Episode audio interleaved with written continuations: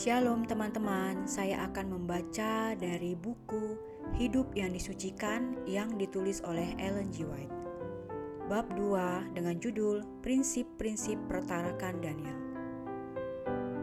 Nabi Daniel memiliki tabiat yang mulia. Ia merupakan contoh cemerlang tentang keadaan manusia bila bersekutu dengan Allah sumber hikmat itu. Catatan kehidupan hamba Allah yang saleh ini terbuka agar dapat menguatkan orang-orang pilihan untuk menghadapi penderitaan dan pencobaan di kemudian hari. Ketika bangsa Israel bersama raja, kaum bangsawan dan imam-imam mereka diangkut ke tempat pengasingan. Empat dari mereka dipilih untuk melayani di istana Babel. Salah seorang dari antara mereka ialah Daniel, yang sejak mudanya telah memiliki kesanggupan yang luar biasa untuk diperkembang pada tahun-tahun mendatang. Orang-orang muda ini adalah keturunan bangsawan dan tercatat sebagai orang-orang muda yang tidak ada sesuatu celah, yang berperawakan baik, yang memahami berbagai-bagai hikmat, berpengetahuan banyak dan mempunyai pengertian tentang ilmu, yakni orang-orang yang cakap untuk bekerja dalam istana raja. Daniel 1 ayat 4 Menyadari talenta luar biasa orang-orang muda tawanan ini, Raja Nebukadnezar memutuskan untuk menyiapkan mereka bagi kedudukan penting di kerajaannya. Di sekolah ini, pemuda-pemuda Ibrani itu bukan saja diterima di istana raja, tetapi juga diwajibkan makan makanan dan minuman anggur yang dihidangkan dari jamuan raja. Sesuai dengan pertimbangan raja, ia bukan saja menyodorkan kehormatan dan kemuliaan besar kepada mereka, tetapi juga menjaga fisik dan perkembangan mental terbaik yang harus mereka capai. Di antara makanan pilihan yang disajikan di hadapan raja, terdapat daging babi dan daging lain yang menurut hukum yang diterima Musa adalah haram dan tidak boleh dimakan orang-orang Ibrani. Di sini Daniel dihadapkan kepada ujian yang berat Haruskah ia melanggar ajaran yang diajarkan nenek moyangnya dalam hal makanan dan minuman, tidak tunduk kepada raja, sehingga besar kemungkinan bukan saja hilang kedudukan, tetapi nyawanya sendiri? Atau haruskah ia meremehkan perintah Tuhan dan mempertahankan simpati raja?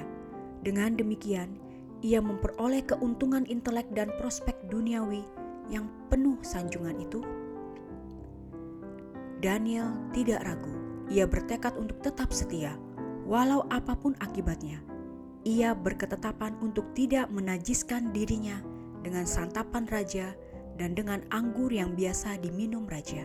Daniel 1 ayat 8. Mungkin orang-orang yang mengaku Kristen dewasa ini beranggapan bahwa Daniel terlalu mengada-ngada serta menyebutnya sebagai orang yang berpandangan sempit dan fanatik.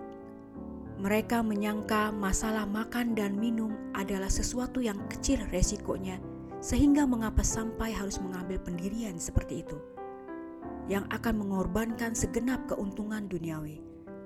Tetapi orang-orang yang berpikir demikian akan mendapati pada hari penghakiman bahwa mereka telah berpaling dari tuntutan Allah dan membuat opini mereka sendiri sebagai suatu standar menentu yang benar dan yang salah mereka akan mendapati bahwa apa yang tampaknya tidak penting bagi mereka ternyata tidak demikian halnya pada pemandangan Allah.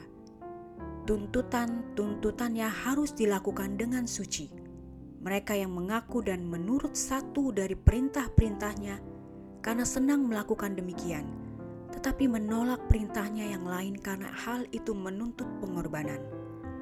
Berarti telah merendahkan standar kebenaran dan dengan demikian lebih menuntun orang lain meringankan tuntutan hukum Allah yang suci. Demikianlah firman Tuhan.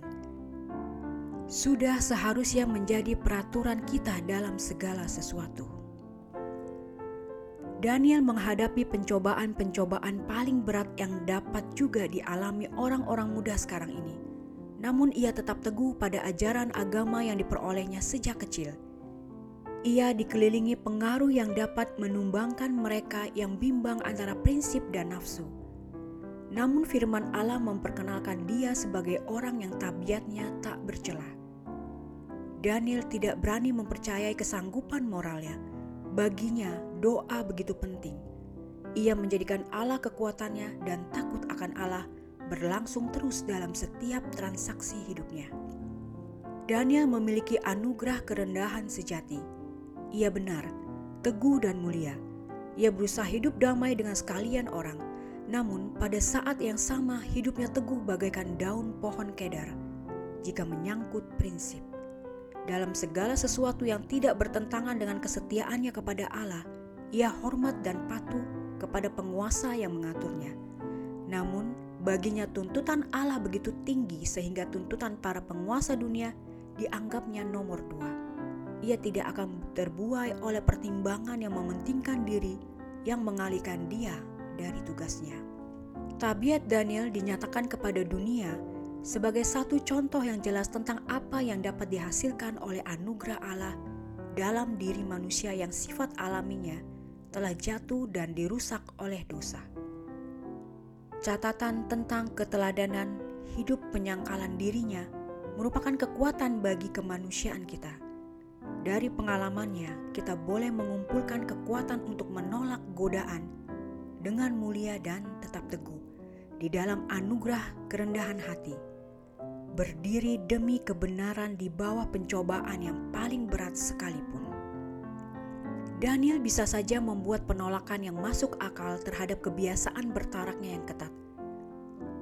Tetapi restu Allah lebih berharga baginya daripada meraih simpati orang dunia yang paling berkuasa, bahkan lebih berharga daripada hidup itu sendiri.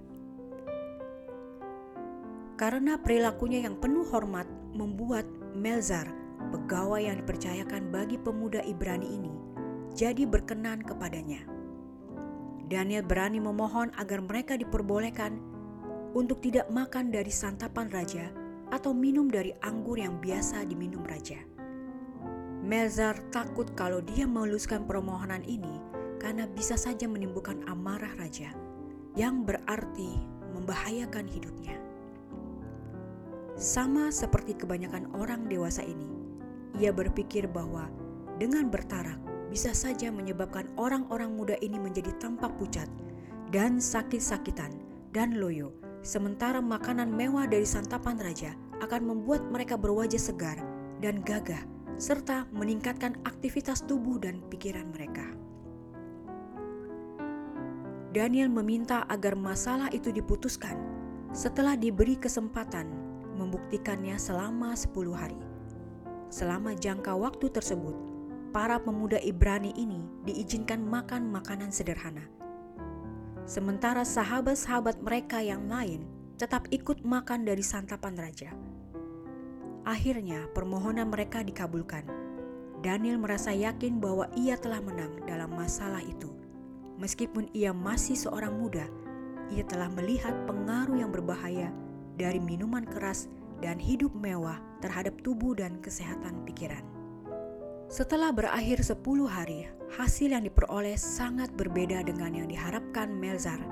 Bukan saja dalam segi penampilan, kegiatan fisik dan ketahanan mental mereka yang telah bertarak dari kebiasaan itu juga menunjukkan superioritas yang jauh lebih tinggi dari teman-teman mereka yang memanjakan seleranya.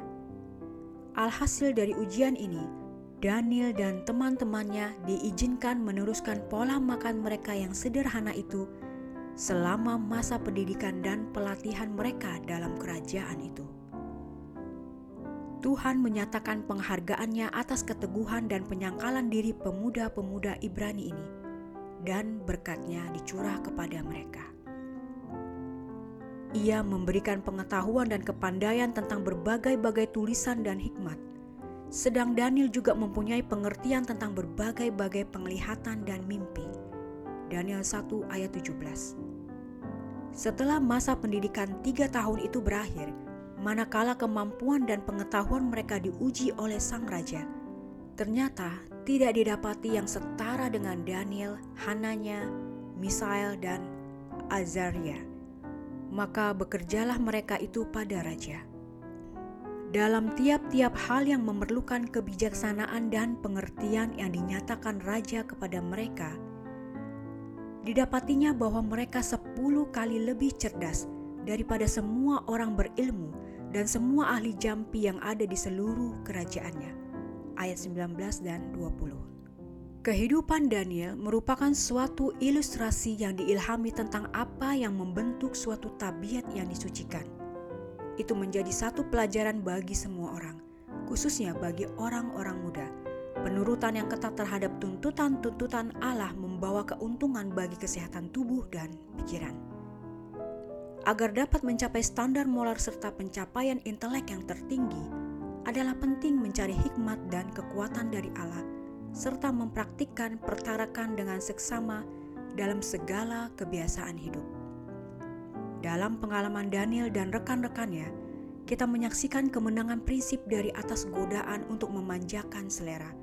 Kepada kita ditunjukkan bahwa melalui prinsip-prinsip rohani, orang-orang muda dapat menang terhadap pemuasan nafsu dan tetap setia terhadap tuntutan-tuntutan Allah, walaupun hal itu harus dibayar dengan pengorbanan mereka yang besar.